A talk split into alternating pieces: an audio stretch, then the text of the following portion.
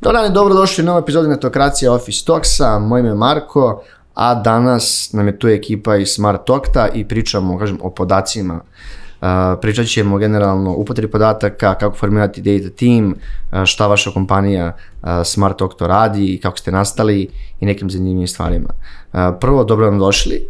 Uh, danas su tu sa nama, znači, Ilija, uh, Ilija Šuša i Goran, kažem, S. Milovanović, meni to bilo interesantno, nema ovaj, to srednje jeste, ime. Jeste, da. ta upotreba srednjeg imena onako otišla, ali ja ovaj, volim te tradicionalne stvari, držim E, pa hajde mi igramo na početku, kažem, kako, kako izgleda, uvek se predstavimo sa sagovornicima, ovaj, zašto smo vas pozvali, zašto da kažem ste relevantni, šta ste radili pre, ovaj, šta ste generalno radili tokom karijere, pa negde, pa samo se izvinjam, pa negde da, da, ovaj, da krenemo. Uh, Ilija, ti si bio osnivača uh, s, uh, Smart Octa, Uh, pa ne, reci, ne, ne, reci nešto više, generalno, otko ti u Smart Octu, šta radiš, če, koja je tvoja funkcija, čime se tačno baviš? Uf, to je duga priča, ali ajde, hoćeš da krenemo od kraja, s čime se bavim, pa onda kao... od- Može, odatle ja tamo, može, da, može, da. može. Pa trenutno, da, trenutno nastupamo pod brandom Smart Octo. Ovaj, trenutno moja uloga je Chief Data Officer, što znači da, da sam zadužen za vođenje uh, data tima, Mhm. ajde da kažem pretežno toga, a to podrazumeva znači i tim data inženjera i tim data analista i data scientista. Mhm. Pored toga, znači, naravno, kao i svaki osnivač, niz drugih stvari, niz drugih obaveza i odgovornosti, ali to je, da kažem, osnovna, osnovna stvar. Uh To se kapiram, tokom vremena se dosta razvijalo i mijenjalo, znaš, kad si osnivač na početku, radiš sve i to, svašta. to je jako da. interesantna priča. Vidjet ću ako bude vremena, možda i to da ispričamo kako, kako je išla ta evolucija i sve to. Jel, to je baš zanimljiva titula, Chief, eh, chief eh, Data Officer, nema ih puno, ja mislim, na našoj zemlji. Pa nema, nema. To je možda pre par godina počelo intenzivnije da se koristi, da kažem, uopšte u svetu i to, pošto, mislim, prvo, čitava ta, čitava ta evolucija tog data, data, priče, data hype je bila Mhm. prvo, ne znam, big data, pre toga naravno BI, big data, pa onda data scientist i data inženjeri, uvodili su se polako termini, bar ja nisam znao da pre par godina znači data officer, onda vjerojatno kako, je, kako su kompanije sve više postajale uh, data i prepoznavale uh, Podatke, da kažem, da. podatke i neophodnost toga, onda se uh, i ta uloga raz, razvijala i polako se to uvodilo, tako da E pa ja Barem što se mene tiče, izvinim, pre par godina sam tek saznao za tu ulogu i eto tako nekako i mi, pošto smo kompanija koja se bavi podacima, smo napravili jednu takvu poziciju. mislim tako i ima, možda 5-6 godina eventualno da se uopšte ta pozicija ovaj, CDO kao chief data officer Da. zapravo pojavljuje. Ja mislim da pre toga se nije ni... Pa mislim da to negdje bio neki puš kad su ovi zakon zaštiti podataka na Evropskoj uniji, taj GDPR kad je došao, negdje se negdje mnogo više pričalo generalno o podacima. moguće tiče Moguće ove, da je to da. iniciralo, ali više iniciralo pojavu ove pozicije uh, Data Protection Officer, DPO. Aha, Ovaj, aha. to je baš pozicija koja se striktno bavi uh, data privacy, data security i tim stvarima, ali uh, i ona u stvari odgovara Chief Data Officer ukoliko postoji, znači kod većih organizacija su neophodne i postoje i obe uloge, tako da... Mhm. A, na, a, Gorane, ti sad smo malo, malo smo pričali, a, ti si lead data scientist, a Jesam, ne, da. da. ne analist, ko što... Ne, Aj, ne, ne, da. ali- znači ti si, scientist su zvanično priča, ti si neki naučnik, ajde čisto nam malo predstavi. Da, u belom mantilu oni rade ovaj, ekipa i Samo se u javnosti pojavljamo ovako, u crno, kojima da, inače da. nosim beli laboratorijski mantel. Da, Da, da. da, da, Pa to je bilo zanimljivo videti. Ja da imam titulu scientist, ja bi sigurno tako išao. I pričao, ja sam doktor ili naučnik, u fazonu sigurno, da. Pa ne, gledaj, ovaj, e, e, kako se zove, ovaj, dobro, dosta ljudi koji zapravo ovaj, d- bi, bi dođu u takve pozicije, d- dobar deo njih e, prethodno u životu i jesu mogli da budu laboratorijski naučnici, nije ovaj, to e, da kažem tako, ovaj, ne je bilo neobičajeno, mislim, da li data scientist, to što mislim, radim data science, sad to je, Ja često znam to mlađim ljudima da kažem, jel, slušaj, to ima e, science u imenu profesije, ali kad ti sedneš da radiš taj posao, taj posao mnogo više ima konotaciju inženjeringa nego što ima konotaciju tu neku naučnu, iako su, da, striktno bazirana na naučnim metodama i u principu data scientist najčešće dolaze iz dva neka, da kažem tako, pravca, dva, dva kruga ljudi, dva profesionalna kružoka ili dve različite akademske tradicije, slične povezane, to su ili naučnici, koji su u principu dobro verzirani u nekim empirijskim naukama u kojima postoje razvijeni a, statistički i komputacioni računarski pristupi, a to je danas praktično u svim prirodnim naukama i ljude često to iznenadi, ali je zapravo to istina najmanje u drugog svjetskog rata na ovamo i u društvenim naukama. Uh. Jel, I ako pogledate stepen e, matematizacije upotrebe matematičkog aparata, u savremenoj ekonomiji, u savremenoj psihologiji, u savremenoj sociologiji to e, daleko, daleko premašuje ono što se očekivanja lajka o tim naukama. Jel? Ja. ja sam, na primjer, po obrazovanju doktor psihologije, često ljudi to iznenadi, kao doktor psihologije, data science živi s inženjerima u IT industriji, da, Kasi Kozirko koji je chief data scientist, e, chief data, ja mislim chief data science, ne, chief decision scientist Google-a, je moja koleginica psiholog koja je doktorirala upravo u oblastima psihometrije, matematičke pristupa, psihologije i tako dalje. Realno, jedina, jedina profesija koja može da pre, preživi među inženjerima, a da nije mm, inženjer. Često im ja to znači, kažem u firmi, ne brinite psihologije to prave. a koliko je generalno to što si, mislim, zanimljivo je, to što si psiholog, to je doktor psihologije Jeste, po da. obrazovanju, pomaže da razumeš ono bolje podatke i sve, i o čemu se nazvališ. Mm, sama činjenica da je to e, obrazovanje bilo u psihologiji mi zapravo pomaže vrlo malo, jel? Uh mhm. -huh -huh. Ono što mi mnogo više pomaže je zapravo moj e, naučni rad koji je bio u oblasti kognitivnih nauka, to nisu samo psiholozi, tu su razne usmirenja i to su stvari fundamentalne nauke, one oblasti koje posle zoveš veštačka inteligencija. Znači ono što kažeš AI u inženjeringu, jel, ok, tamo u fundamentalnim istraživanjima je to nešto zove cognitive, science, uh, cognitive sciences, odnosno kognitivne nauke u tome ima puno psihologije, jel ok, to ti pomaže u principu da razumeš neke principe, a pomože ti obrazovanje što tokom njega naučiš e, gomilu neke stvari, ali mnogo više mi pomaže što je moja specializacija bila upravo u matematičkom modeliranju ove, ljudsko ponašanje eksperimentalnih recimo rezultata i toga, gde naučiš e, onako poobiman matematički aparat koji ti treba da se baviš e, tim -huh. poslom. Jer ljudi, pogotovo ljudi koji imaju background naučni, jer kad sam rekao da postoje otprilike dve struje priliva u te data science profesije, Jedno su najčešće, baš onako da kažem, elaborirani empirijski naučnici koji su pokupili programiranje, računarstvo, poznavanje matematičke statistike, pre svega i toga. Drugo, tipično dolazi sa inženjerskih škola ili su ljudi koji su sa computer science departments, Aha. ok? Ovaj, o, donekle se razlikuju te dve struje, ali je činjenica da kada uđeš u data science i počneš to da radiš, Pa slušaj, pogotovo ako se nalaziš u startup okruženju, počinješ da se suočavaš sa problemima koji domenski, po sadržaju, po tome šta je problem, vrlo redko kad imaju neke direktne veze sa time šta se ti bavi u svom prošlom životu, pogotovo tokom svoje akademske karijere. Jel? A, da, Tako da je tu ključno savladati metodologiju, kako se zove i matematički aparat. Jel? Uh mhm. -huh. I da bome kršteno naučiti da kodiraš u Pythonu, R-u, Scali, Java, nečemu što ćeš Bar, koristiti. Da, da. Jel? Do, neka, nisu baš to. osnovni alati, ali bitno je da imaš neko poznavanje. Pa sad, pazi, data science je ozbiljno developerska pozicija. Pa da, zato ti kažem, mislim, je, da, mislim, mislim, onako, mislim, da. nije... Ne, to si spomenuo Python i neke, nisam mislio da, nisam mislio ništa da kažem da umanjujem znanje, nego samo kažem, znaš, možda je vrlo često ljudi koriste kao Python bar kao početni jezik da nešto dalje ili da uđu u programiranje?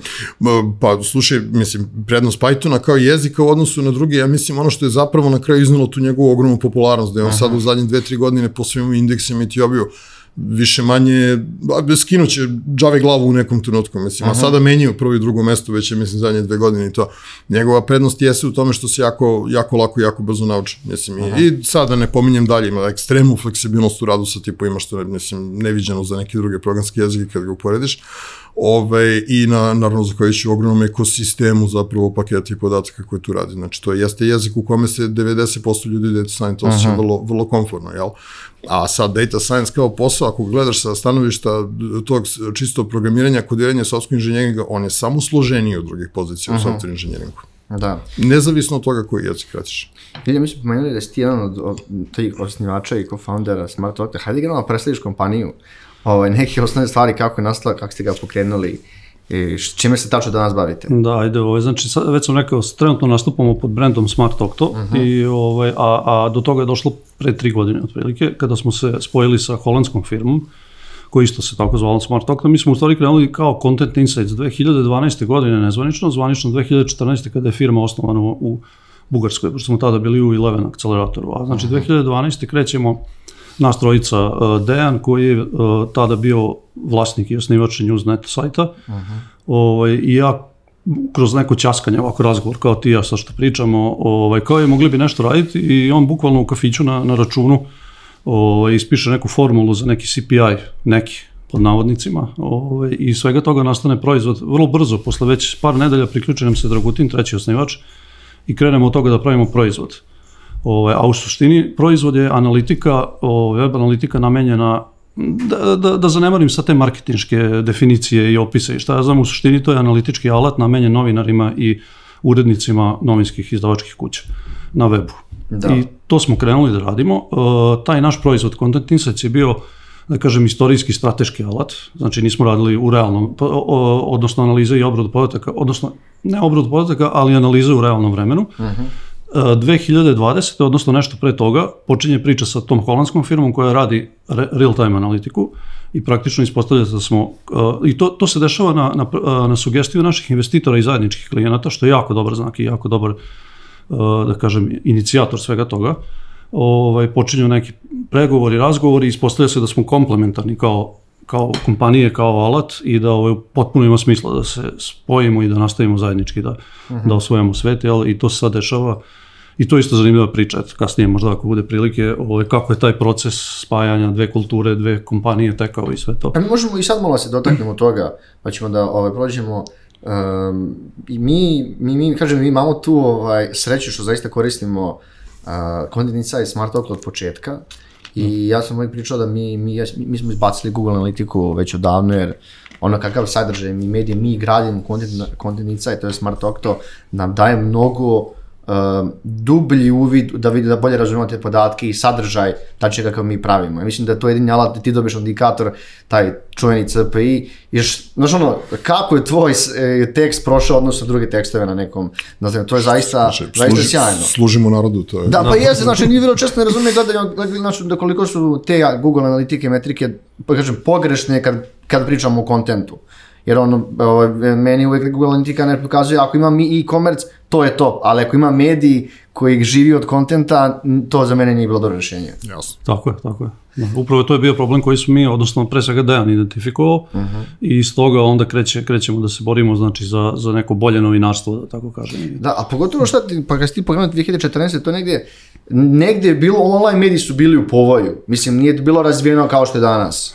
Ili je već bilo... Ne, ve, već, već se uveliko su online mediji Aha. bili, već, već je recimo mediji prelaze uveliko iz printinga u digital. Uh mhm. -huh. ovaj, možda da kažem da analitika je bila u povoju. Par Aha. godina pre toga je počeo taj talas Chartbit ko, koji je Chartbit inicirao real time analitike i oni su bili uh -huh. na neki način inovatori u tom smislu da su uveli znači engagement kao, kao uh. -huh. neku metriku koja, koja bi trebalo da zameni page view i, i te klikove i sve to. O, e, znači nekoliko godina kasnije, u stvari čak možda dve, tri godine kasnije, mi krećemo već uh -huh. i 2014. Mhm. napravimo u stvari kompaniju i proizvod zvanično. Uh -huh. Tako da, ajde da kažem to u, u, tom nekom da gledamo, nije, to nije dugačak period u odnosu uh mhm. -huh. na svetska neka dešavanja. Znači, ja to kažem, Chartbit ubrzo i Parsley počinje da radi drugi naš neki konkurent. Google Analytics naravno postoji odavno, ali kao što si rekao, on je više namenjen uh, ne, nekom e-commerce marketingu i, i tako je prilagodno. Na kraju krajeva za Google Analytics treba, treba neki analitičar koji će to sve da tumači. Nije Aha. alat koji je namenjen baš za, za ljude koji nisu matematičari, statističari i tako da. E, nije ništa nego nije priču taj, taj content, kako, kako ste uopšte došli do tog CPI-a? Meni uvijek bilo ono, gledaš neki pondere, bar kad sam na početku objašnjali kad smo gledali, gledamo mnogo pondera, mnogo formula, dobiješ ovaj, i uvek volim, pošto nama vrlo često ti ovaj, tekstovi koji su ono, u zelenom sve, imali smo jednom 999 ovaj, za jednu native kampanju bila uspešna 999.000. U, to je baš da, dobro. Da, da, da. da. To je ono što hvali smo se na sve stvari, na, da, na sve da. strane, 999 je bila. Pa da, zapravo TPI, jedno od osnovnih use case-ova je taj native advertising, da ti mm -hmm. jako lako možeš da vidiš da, da li je neki tekst kroz tu kampanju bio uspešan ili ne, poredeći ga sa ostalim. Ali to je baš onako što to čak onda nije ni KPI, to ti je baš ovaj, pravi indikator. Ovaj, uh -huh. Znači ne moraš da ideš u neku dubinu drill down, analiziraš, jednostavno te govori na prvu loptu, e, ovaj tekst je stvarno bio dobar. Uh -huh. ovaj, a kre, krenulo je, kažem, od njuza i, i, i Dejanove ideje, odnosno on je bio svestan da, da uh, plaćanje, ta, praktično tada neka moneta u, u, u novinarstvu je bio page i to je dovelo do, te, do tog razvoja clickbait, clickbait talasa i svega toga gde su novinari bili, bili, bili prinuđeni da pišu takve naslove da bi prikupili što više viewova, samim tim više zaradili, čak su neke redakcije plaćale novinare na osnovu toga koliko prikupe mhm. -huh. pregleda, I, ovaj, a on to nije hteo da radi sa, sa njuzovcima. I ovaj, ideja je bila da se u stvari, uh, da, da čak je u jednom trenutku, mislim da, da, i, da su i plate dobijali na osnovu tog nekog CPI-a prvo, prve verzije koje on napravio u Excelu. I to je bio, bio bukvalno jedan Excel.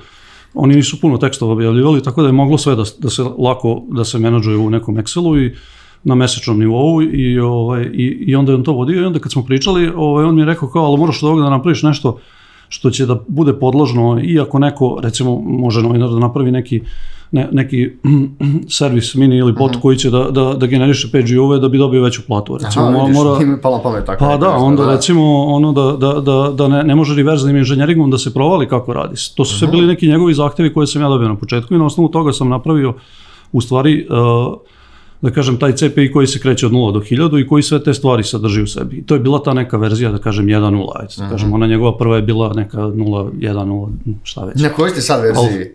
Dv, uh, tri, recimo. Aha. Da. A pomenuo si sad, kad, kad ste postali kao po Brand Smart Talk, imate novih tih real-time uh, alata i ja sam vidio, imao sam priliku da vidim kako izgleda taj novi dashboard sa mnogo nekih cool projektnih stvari.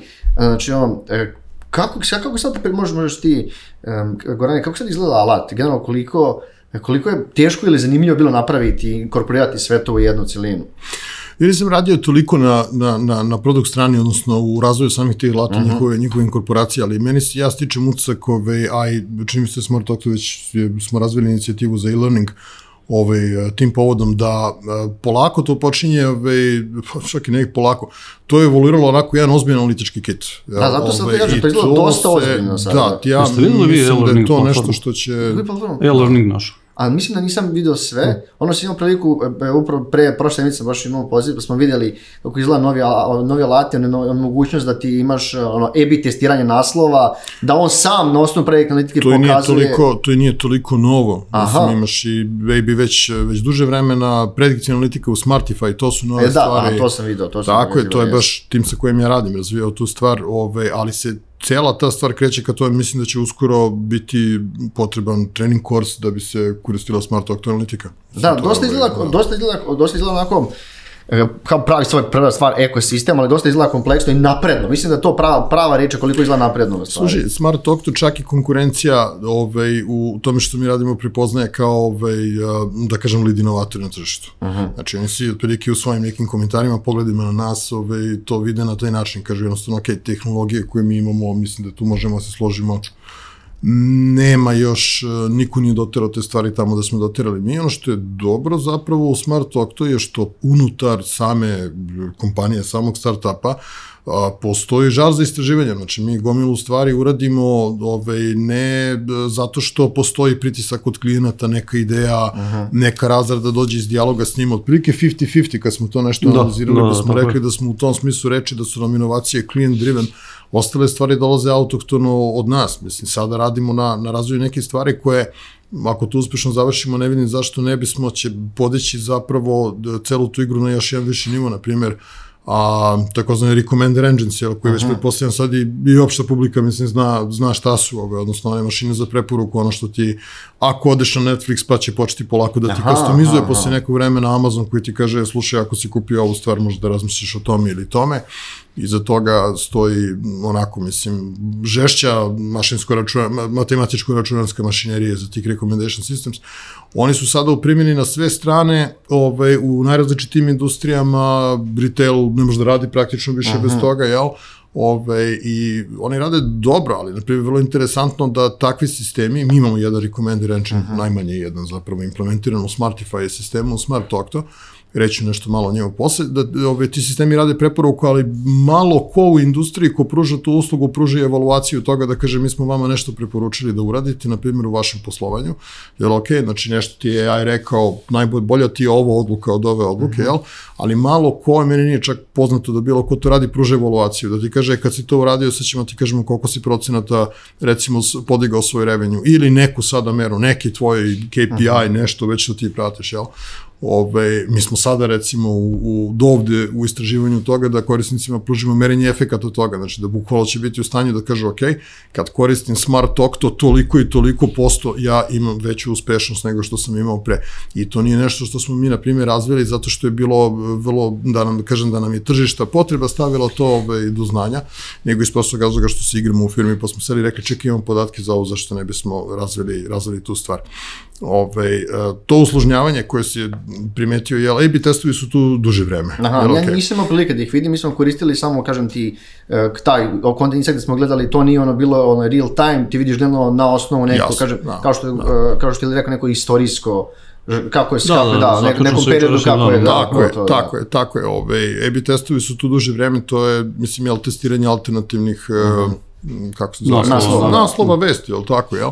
Ove, taj, taj sistem je tu već, već, mislim, onako neko vreme funkcioniše, to nam je već onako default. Pro, pro, proizvoda nastaju, jel ste, kao, kao, ste, kao ste rekli vi, ono, interajte li si stvarno želje, ono, klijenti kažu, e, ovo bi nam trebalo, pa hajde da razvijemo. Juče smo pričali Da. o tome. Da. Juče smo smo imali diskutovali diskusiju. malo, da, tome, i baš ovo što je Goran rekao, re- recimo da je, da je to neki idealan odnos 50-50, što znači da, recimo meni se to jako sviđa i to je, to je posebno, uh, da kažem, bilo, uh, u stvari postalo uh, izraženo od kada smo se spojili sa, sa, sa ovom Smart Octo, jel, originalnom kompanijom, ovaj, taj feedback od klijenata koji dobijamo i zajednički rad sa njima. Znači, praktično dolaze predlozi, imamo regularne sastanke sa klijentima, sa nekima češće, sa nekima ređe i onda dobijamo feedback na ono što je napravljeno, što postoji u proizvodu, šta bi oni želeli i često iz toga ne, ne samo i, i e, ne samo da oni daju, nego kroz neki brainstorming sa njima, kroz neku diskusiju dolazimo do nekih ideja i rešenja i to je, to je dobra stvar. Čak recimo jako zanimljivo, mislim da to kod nas da, verovatno niko ne radi tako, a to je verovatno, pošto tržišta na kojima mi radimo, Benelux i to su bogatija, ovaj, kod njih je to možda normalna stvar ili, ili, ili da kažemo, uobičajena, da, ovaj, da često klijent finansira razvoj nekog fičera. Znači on predloži, odvoji budžet za nas, mi to razvijemo gde on bude prvi korisnik toga i onda to praktično postane kasnije deo proizvoda koji svi mogu da koriste. To je recimo interesantna stvar. Da, to je interesantna stvar. Da. To, to mislim da kod nas u Srbiji redko ko radi ili niko. Ovo, Tako, saradnje sa klijentima ima, ali ovaj, definitivno mislim da oko 50% novih stvari koje razvijamo se dese u našim glavama. Jeste. Prosto, Imamo prosto jako vidimo... kreativan tim i ovaj, koji jako dobro, da kažem, se funkcioniše, razmenjuje ideje, informacije i onda kao proizvod toga naravno nastanu ovaj, raznorazni zanimljivi fičeri novi. Da. To je, recimo taj feedback loop, to nam je radni naziv što je Goran pominjao. Znači mi, mi recimo s, su, preporučujemo nešto klijentu da uradi neku akciju i kao svaka druga analitika recimo da bi mogli tu da stanemo i da kažemo ok, preporučili smo ti, ti sad to uradi i to je to. Međutim, mi se ne zaustavljamo tu, nego hoćemo ceo krug da zatvorimo i merimo onda rezultate toga i na osnovu toga dodatno šaljemo ako treba nešto korigovati. Ja, pošto imate priliku da radite sa, ipak sa klijentima koji su van Srbije i jesu više spremni da prihvate feedback i kažu, e, ovo je super.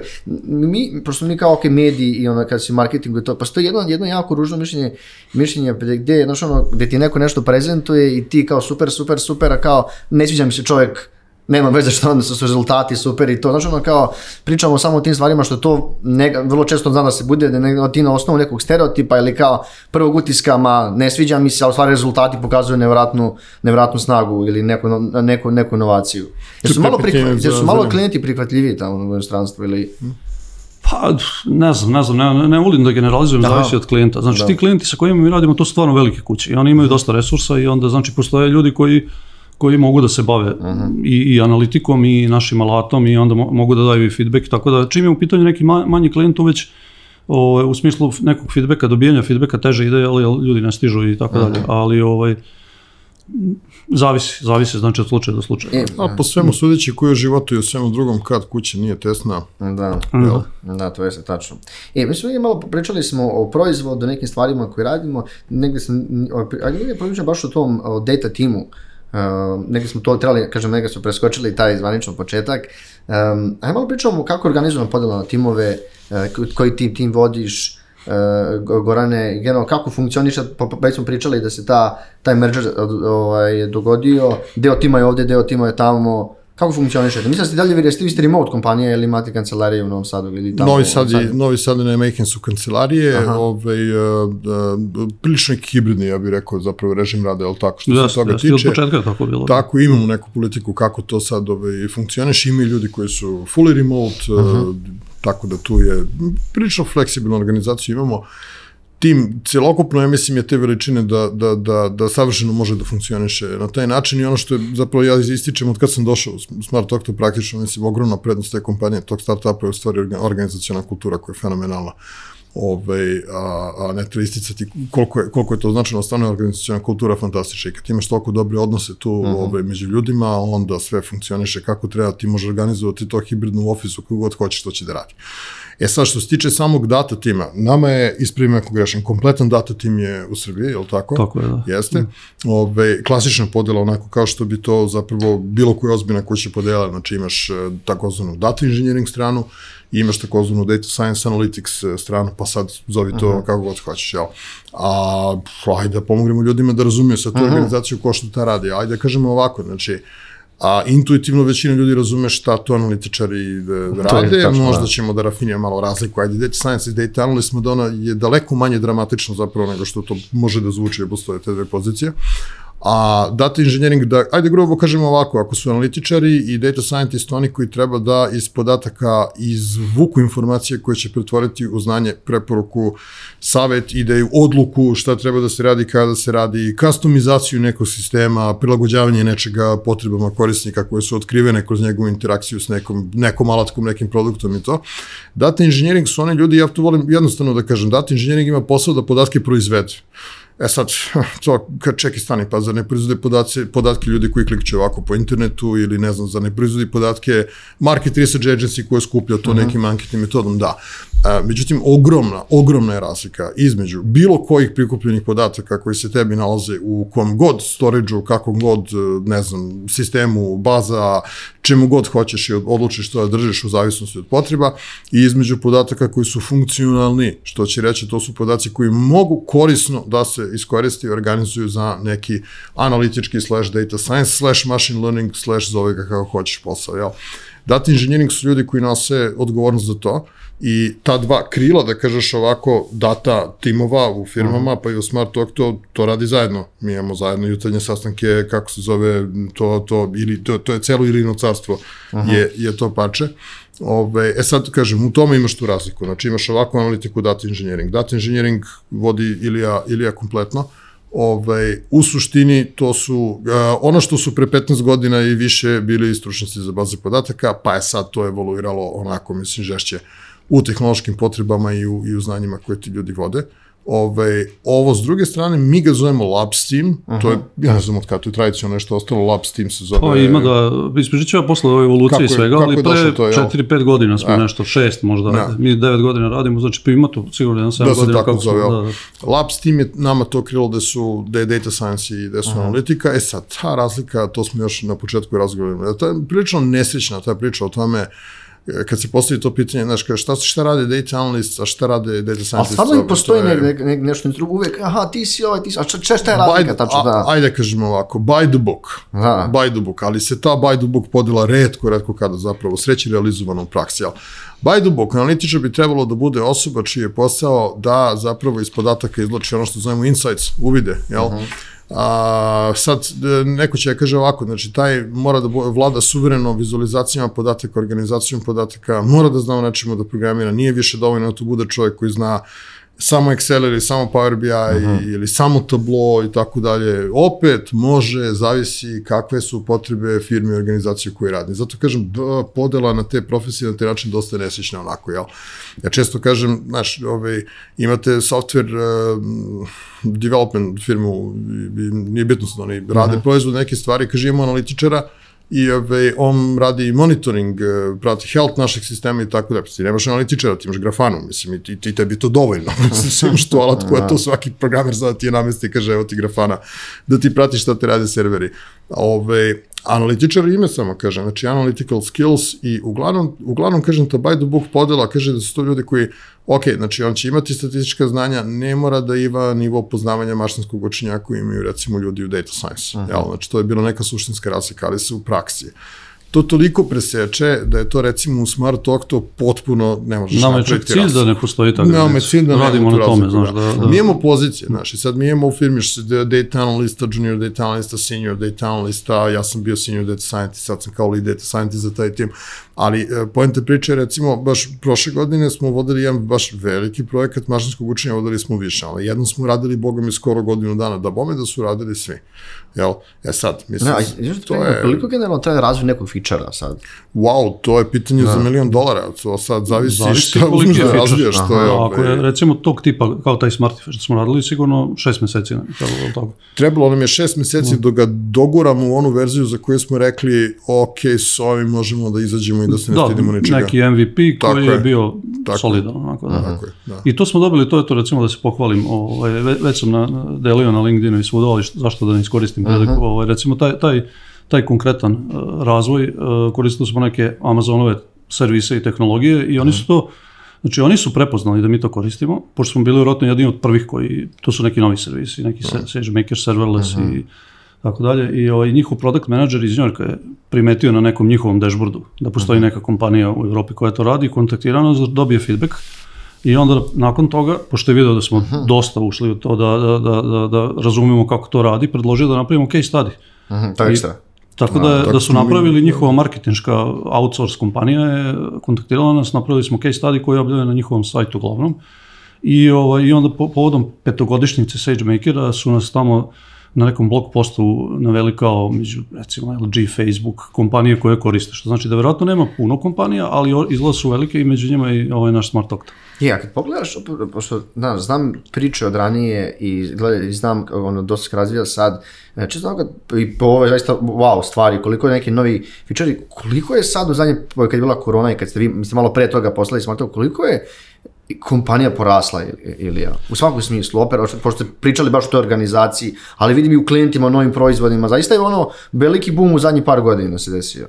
Pa mnogo, mnogo smo porasli. Evo sad recimo jedan primjer samo ve- vezano ovo što Aha, sam pominjao, da. evolucija data tima, to će ti ilustrovati čitavu situaciju. Recimo ja sam došao iz korporacije, mi smo radili sa, imali smo big data, nismo znali da se to tako zove, imali smo BI, neke kocke, data warehouse, to, znali smo za te pojmove. I onda u to vreme negde kad smo kretali 2012-13, čujemo postoji neki big data, ovaj, i ok, to smo sad razumeli šta je. Dragutin dolazi iz outsource firme kao web developer, ne, nema toliko dodira sa, sa tom in, data industrijom, i ovaj, ali, ali druge neke stvari pokrivamo i sad prvo podela tima kad su počeli ljudi da se zapošljavaju backend i frontend. Tad nismo znali da to postoji backend i frontend. Kakav data inženjer, nismo ni znali da to postoji da takav naziv neki.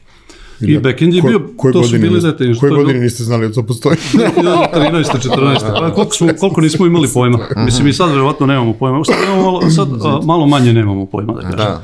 O, I tad smo imali backend tim i frontend tim. Frontend su bile web tehnologije sa svojim backendom i ovaj, ne znam šta, šta već, znači ta- taj deo, a backend je bio ovaj data engineering i analitika neka i kao data science.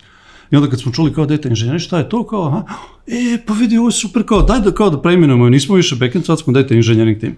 I, I to je, to je tako evoluiralo, kako, se, kako je broj, broj ljudi rastao i, i učili smo, znači, no, mislim, ne znam, evo, uh, razvijale su stvari i u svetu i u industriji, a i mi smo učili, a, napredovali, rasli kao... E, pa to je što su se ove, mnogi, mnogi, mnogi razvili, razvili zahvaljujući eksploziji ove, data tehnologija, Pa, to pogotovo na da. data inženjerskoj strani, moram da priznam u prethodnih 10 godina.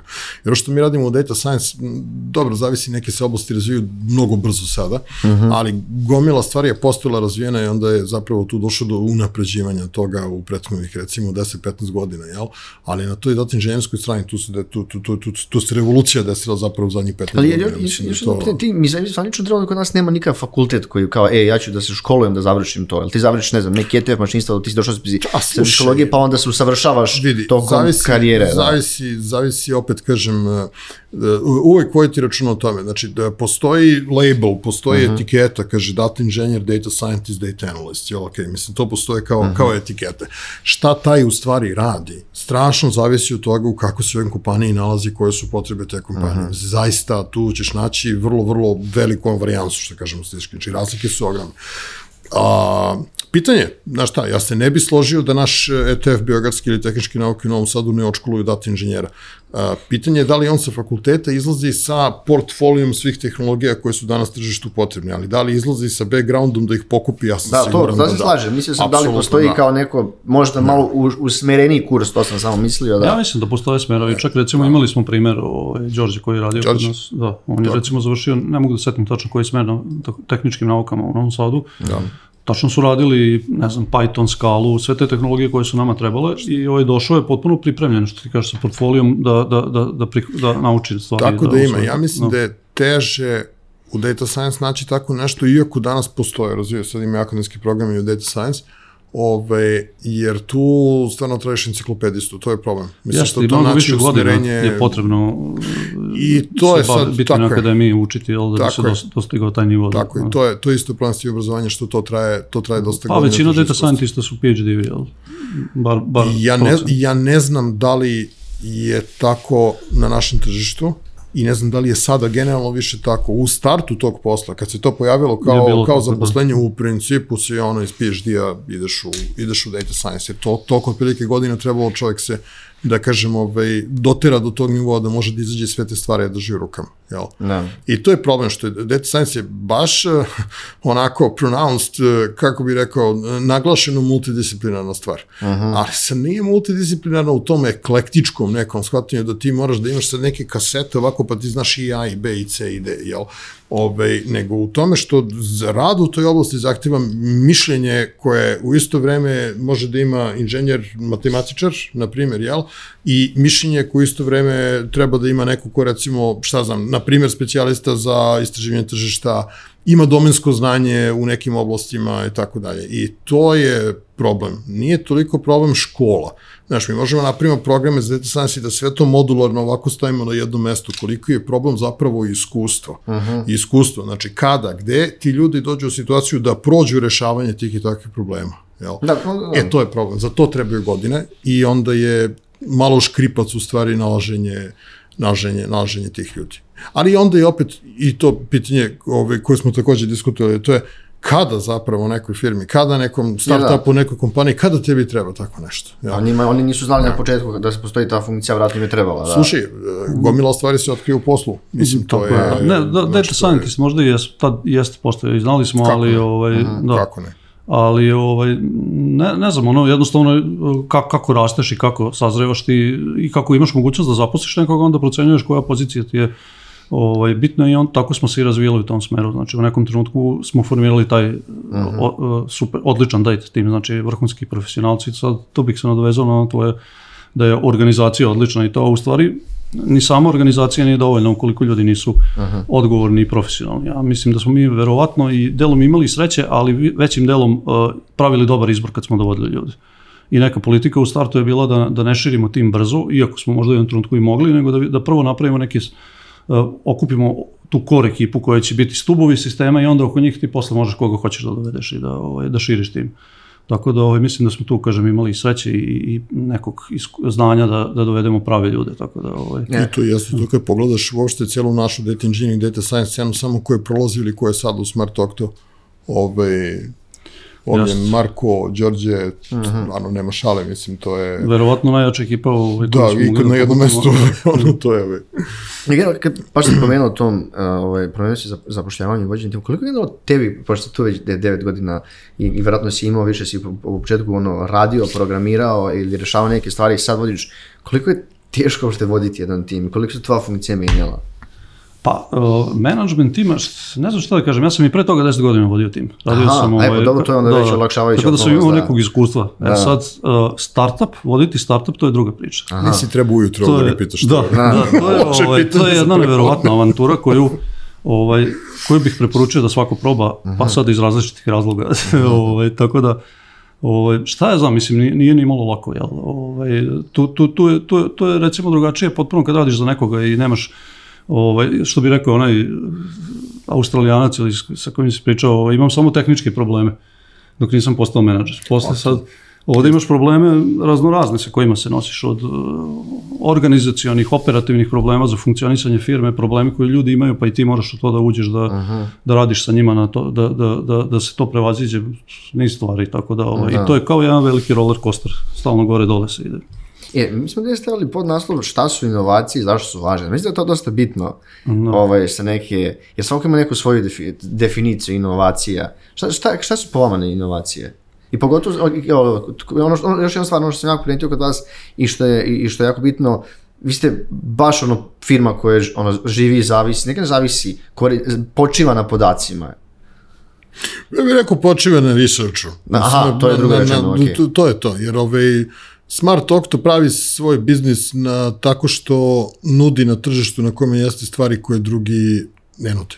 -huh. Ove, I u tome leži naša šansa, ja bih rekao i naša snaka. Mislim da, i da je delom, to delom smo već i odgovorili to, ranije, da, ovaj, da. znači da, da što se tiče, no, ajde u stvari da definišemo šta je inovacija. Uh -huh. Znači, ono, imamo neke te, da kažem, inovacije koje, koje da kažem, pomeraju tržište ili ne, neku, nek, neki domen, to je ono kada, evo sad ovaj chat GPT, na primjer, uh -huh. koji u stvari inicira kreiranje novih inovacija, znači utiče na sve, na, na mnoge druge činjenice. Ima ove iterativne u kojima smo mi više, to je da određene procese, određeni uh, pa kako da kažem, neki da, procese kako koji funkcionišu, menjamo i unapređujemo. I mi to radimo, znači, konkretno za medijsku industriju i načine na koje to radimo, to smo, kažem, pomenuli, 50-50, 50% toga dolazi od klijenata i kroz neki zajednički razgovor, feedback od njih, brainstorming sa njima, 50% je naše, iz naše kuhinje dolazi, pre svega iz tog uh -huh. lab tima Ovaj, znači gde mi vidimo šta imamo od podataka, prepoznamo nešto i onda kažemo, e, pa ovo bi mogao bude, bude dobar feature,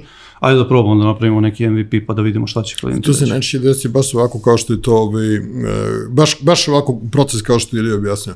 A, obrimo se prosto u situaciji, gledamo i kažemo, čekaj, jeste, prošli smo, radili smo nešto i onda vidimo ispred sebe i čekaj da vidim, znači imam podatke o ovome, znam neke stvari o ovome, Eventualno, ako bi mogli još da nađemo treću stvar i da napravimo novu igračku, da li bi moglo za neko da bude korisno, -huh. da li bi moglo da bude interesantno, šta s tim. I recimo tako dolazi, bukvalno recimo taj jedan research projekt na kom sada radimo, taj feedback loop, kako Ilija zove, uh, Ove, to su podaci koji su s nama već duže vreme. Uh -huh. Znači, mi gledamo to, ja sam se jednom trenutku se nekome upalila lampica, ja mislim upravo ili da kaže što mi ne bi probali da uradimo ovu stvar, da meni je bavi se time. Ja sam ga sad tu rasturao, sastavljao, rastavljao i izgleda ćemo od toga uspjeti da napravimo nešto. Uh -huh. Ove, tako da često se, često se ta inovacija dešava, ja bih rekao, u tom nekom, da kažem, lateralnom mišljenju, uh -huh. onako, znači kad nešto što ti nije možda u fokusu, ovde počne da titra i kaže stani bre, imaš jednu stvar koja je stalno sa tobom jer ti je nužno deo posla, a nisi ispitao koliko je ta stvar iskoristljiva zapravo, jel? Onda se pozabavimo takvim stvarima pa napravimo neku novu igračku i to. Aha. Ove, ovaj, tako da je to... Jako je važno u tom procesu da, ove, ovaj, znači nije, nije samo, nije samo pojenta doći do te inovacije i smisliti, znači ideja ima jako mnogo, nego pojenta je da, da čitav tim, odnosno čitava kompanija uh, radi u, u smeru da se to implementira. To znači pre e. svega produkt, Uh -huh. Pričamo, to, to isto interesantno, kod nas mi nemamo product menadžera, nego product team koji radi. Što, to, to je onako, da kažem, uh -huh. malo Stvari ne znam, bar meni se čini da je specifično. Ja, ja koliko znam, uglavnom postoji product manager koji onda vodi taj tim ili tako povezuje više da. uloga i to, ali ovde kod nas je baš tim koji to radi i ovaj i i onda da sve to kad dođe do product tima da se brzo sprovede. Znači, uh -huh. ako će neka inovacija da čeka pola godine ili godinu, to više nije inovacija. To, to će već neko drugi smisliti. To, tako da, da stvari moraju brzo da se dešavaju da, da bi, da bi imali smisla. Ima to, ima taj drugi deo, to je da, da, da ove, ti ne budeš, i to je dobar savjet svima, mislim, onako generalno, jel? A to je da ti ne budeš taj koga mrzi da to istrči onu dodatnu milju, što kaže Ameri, implementira tu stvar na kraju. Mm -hmm. Jer ja mislim da se naj, često ljudima, pogotovo u IT industriji, ove, dešavaju takve stvari, jel?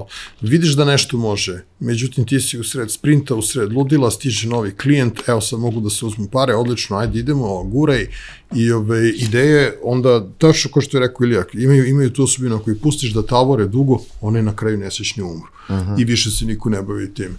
Tako da mislim da je tu svakome jako bitan taj fokus na inovaciju, ja kažem tako, znači da se drži toga i da bude svestan, ne slušaj, ako si otkrio nešto što pre nisi otkrio, uh -huh. jel, ti si apsolutno u poslovanju napravio najbolji mogući moment koji uopšte u njemu može da se napravi, nemoj da pustiš da ti stvari tavore, nego sedi, zavrni rukave, istraj to do kraja napravi feature pa probaj. Uh -huh. I vidi šta s tim, i vidi šta s tim. Da li može dalje da se prodaje, implementira, znači onda ne, ne, vrlo, ne, vrlo moguće, ne, ne može svaki feature da prođe. Ma naravno, naravno, neće ti proći svaki, pa svaki peti ako prođe, pa to je, Aha, da, što je to što naš Dragutin kaže, da su eksperimentišeš, pa da, da. šta ti Bog da. Ne, vi, vi ste pomenuli, pomenuli ste ovaj, ovaj produkt i kad pričamo baš ono, koliko je bitna ta povezanost i tvog tima sa produkt timom i generalno komunikacija ja koliko da je... često, pogotovo ako imate neke nove podatke koje ne treba da srede i slično. Ja sam zastupnik teorije da je izuzetno bitna i mi sad ovaj, u Smart Doctor radimo upravo na jednoj, da kažemo, onako malo tešnjoj integraciji produkti uh -huh. da dodati timu. A zašto?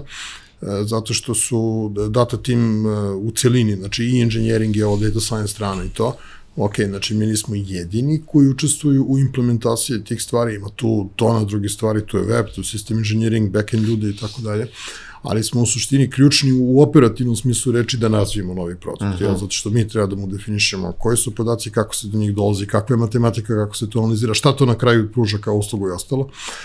A loop između product people i analytics people je po mom ubeđenju strašno bitan. Ja mislim da mnoge kompanije, organizacije koje sam video, ne nužno radio njima, razgovarao s ljudima, slušao kakvi su pristupi i to prave vrlo grubu grešku što te dve stvari drže ovako razdvojeno i što onda to počne da se pretvora u komunikaciju da produkt zapravo kako da kažem, znači unidirekciono ovaj, komunicira sa timovima koji mu razvijaju fičere i stvari. Jel? Uh -huh. I iz tog razloga što ovaj, ti u data timovima, u data engineeringu, u data science, ti radiš sa toliko složenom organizacijom podataka, sa jezivo složenom organizacijom podataka i za tebe je svaka promena nešto što može da ima jako visoku cenu. Aha. O tome se radi, jel?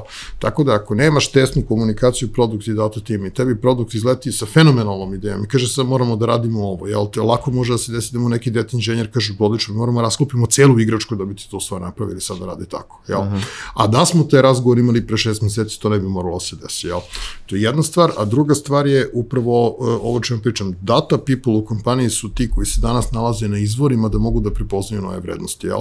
E sad je samo poenta organizacione kulture kako da ti ljudi znaju to da iskomuniciraju produktu, da njima upale lampicu i da kažu, je vidi, mi imamo ovu stvar, jel ok, i mi smatramo da ta stvar može da posluži našim korisnicima na ovaj i na ovaj način. Uh -huh. Jel, naravno da je odgovornost produkta da toj stvari da formu i da shvati kako ta stvar treba da se komunicira. Jel?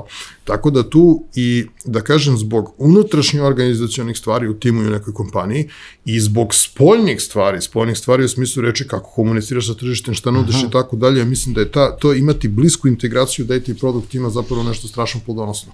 Nisam siguran da je ta praksa implementirana ove, na, u, u, u, u IT s leva na desno, nisam siguran da je ta praksa implementirana koliko bi trebalo da bude.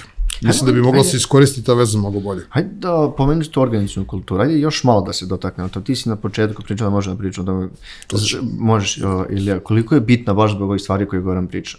I kako što je postaviti, jer to znaš, ti pokušavaš, trudiš se, ali nije lako isjedlati, jer pogotovo što je vremena se dosta menjaju, premenljivo je svašta, mnogo uticaja spoljnih, unutrašnjih.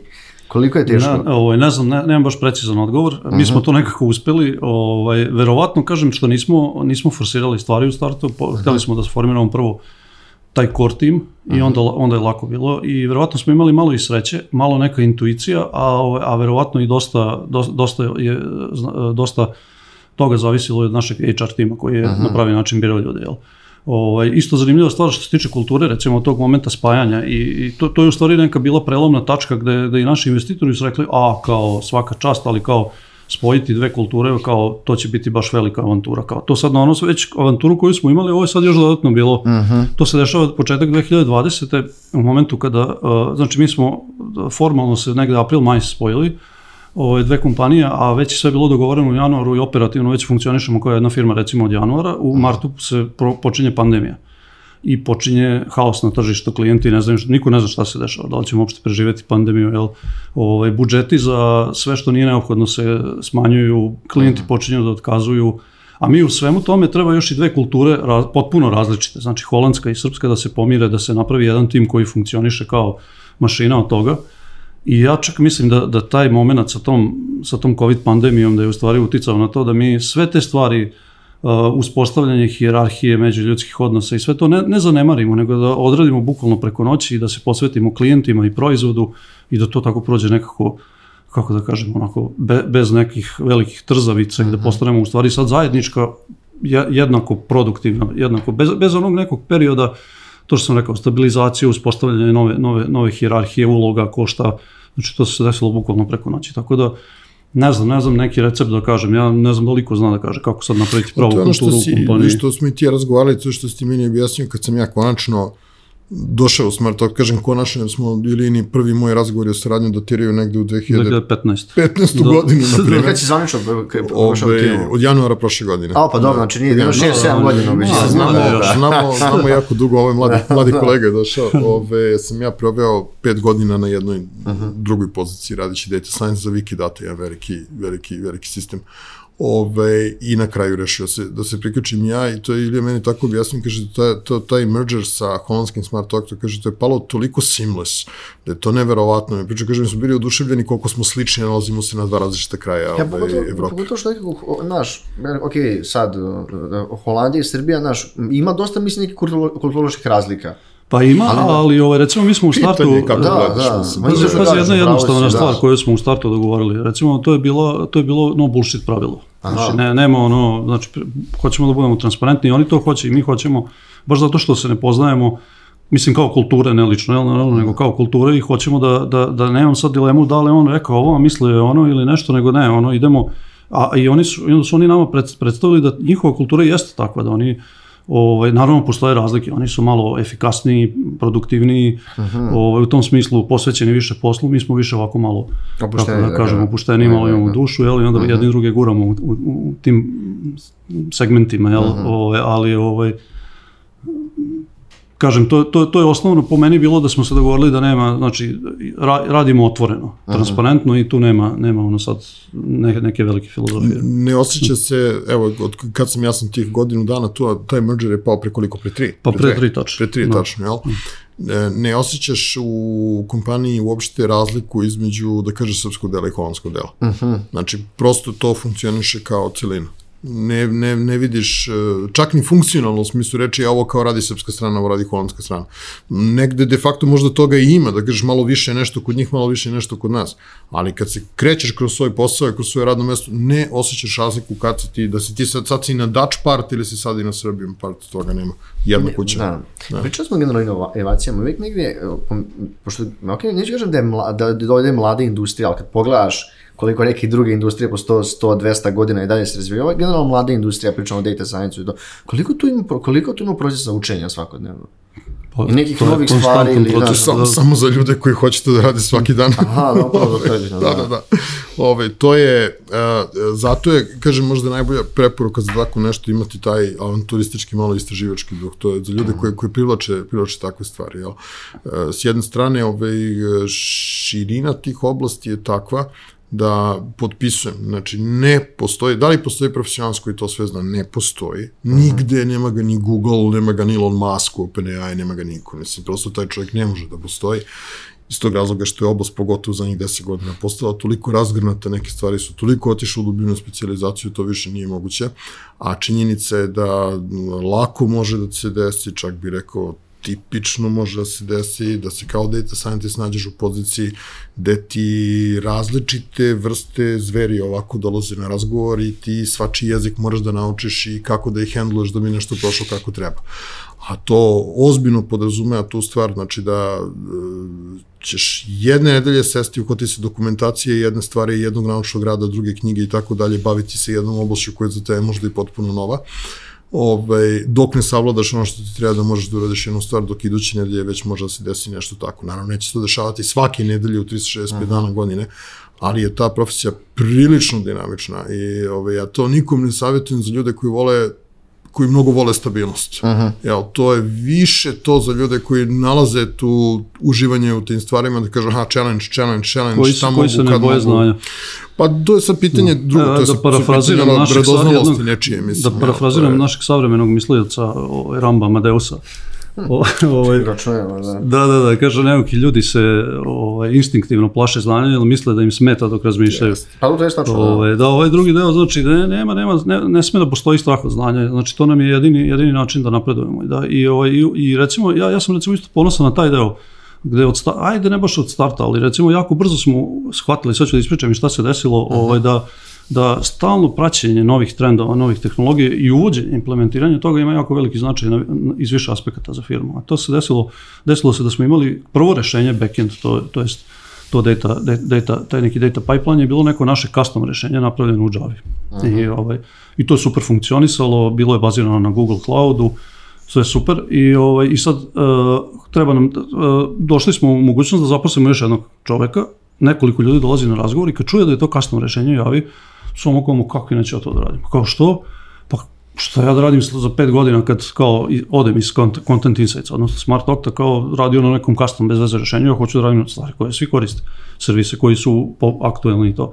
I tu nama klikne da u stvari moramo da, da menjamo situaciju Aha. i, da, i onda rešavamo, odlučujemo se na jedan krupan korak da čitav taj sistem zamenimo, dovedemo nove ljude koji će to da implementiraju, pređemo na nove tehnologije i od tada praktično ta, ta trka, da kažem, ili šta već traje, ili mi stalno nud, uh, forsiramo ljude i motivišemo da, da probavaju nove tehnologije, a ne samo da ih probavaju da bi se probalo, da bi se videlo, nego jednostavno da implementiraju i benefiti, odnosno ti- ti aspekti na koje to utiče, to je prvo što su oni mnogo više motivisani i zadovoljni kad rade nove stvari, napreduju, uče, znači napreduju profesionalno, uče stalno.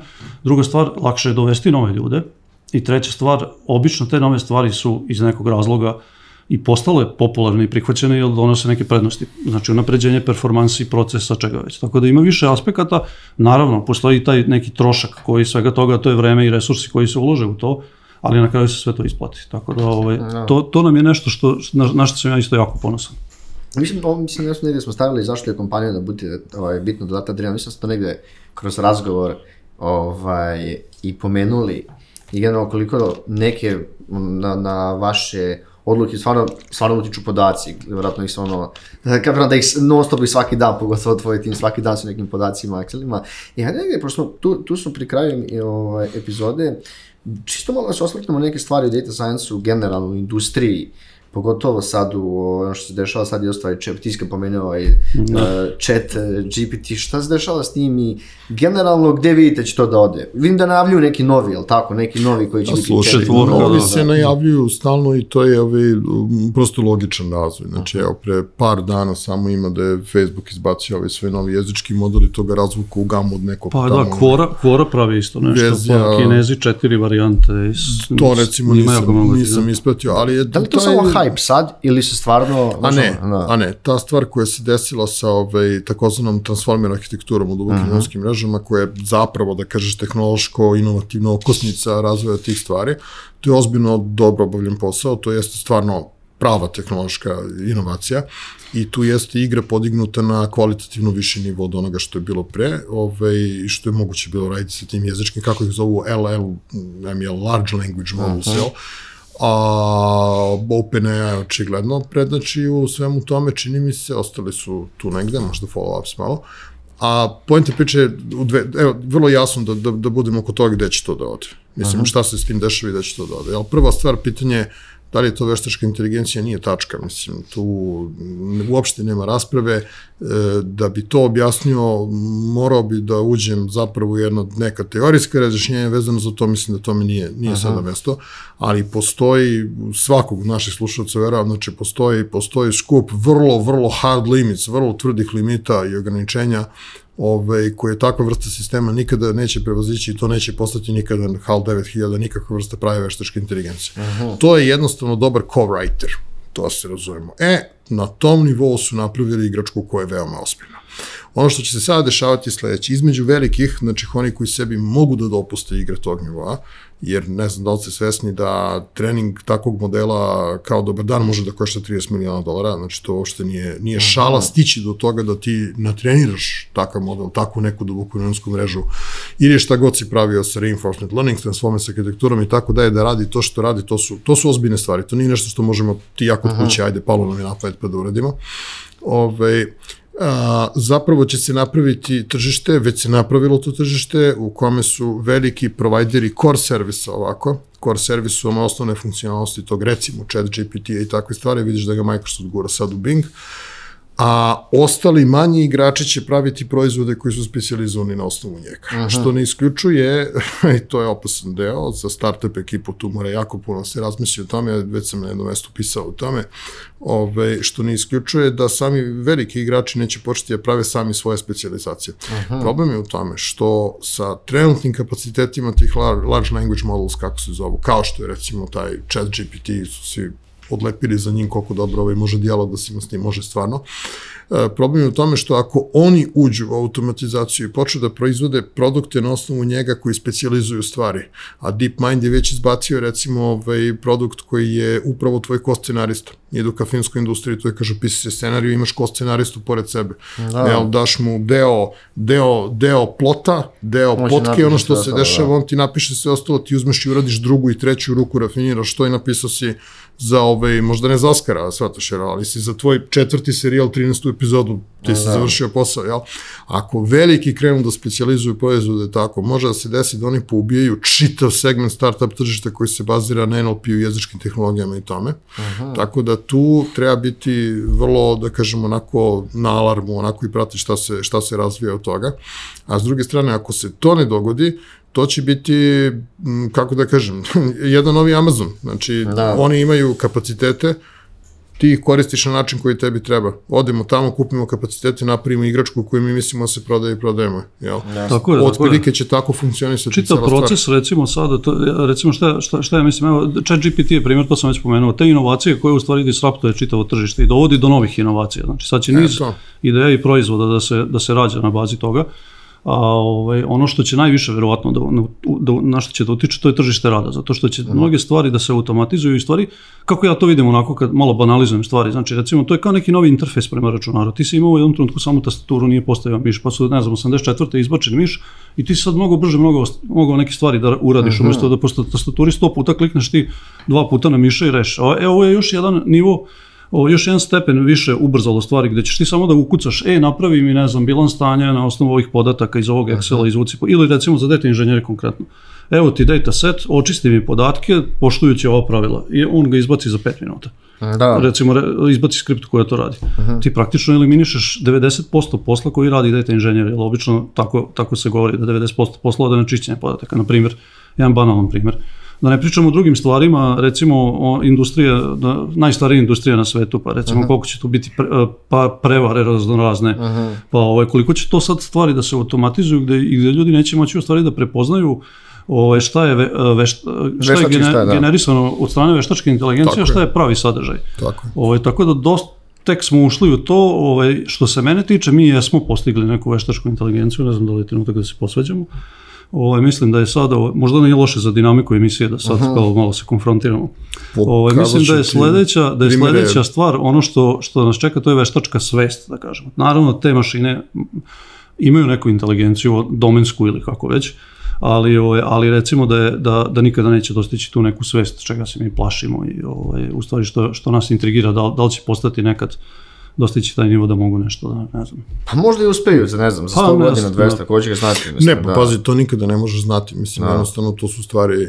Um, pitanje, mislim, vidjet ćemo. Što kažem, ne bi da sad diskusiju prošijemo mnogo, ali ne zaboravite jednu stvar. Uh, suštinski, svi mi danas još uvek živimo od onoga što se desilo u poslednjoj, u poslednjoj velikoj, da kažeš, naučnoj revoluciji. Ona se dogodila između 1900 okvirno 10. i tamo ranih 30. godina do tuningovih radova, tad se više manje desilo ove, i sve ono zbog čega mi danas imamo ove sprave i mobilne telefone i ostalo, jel?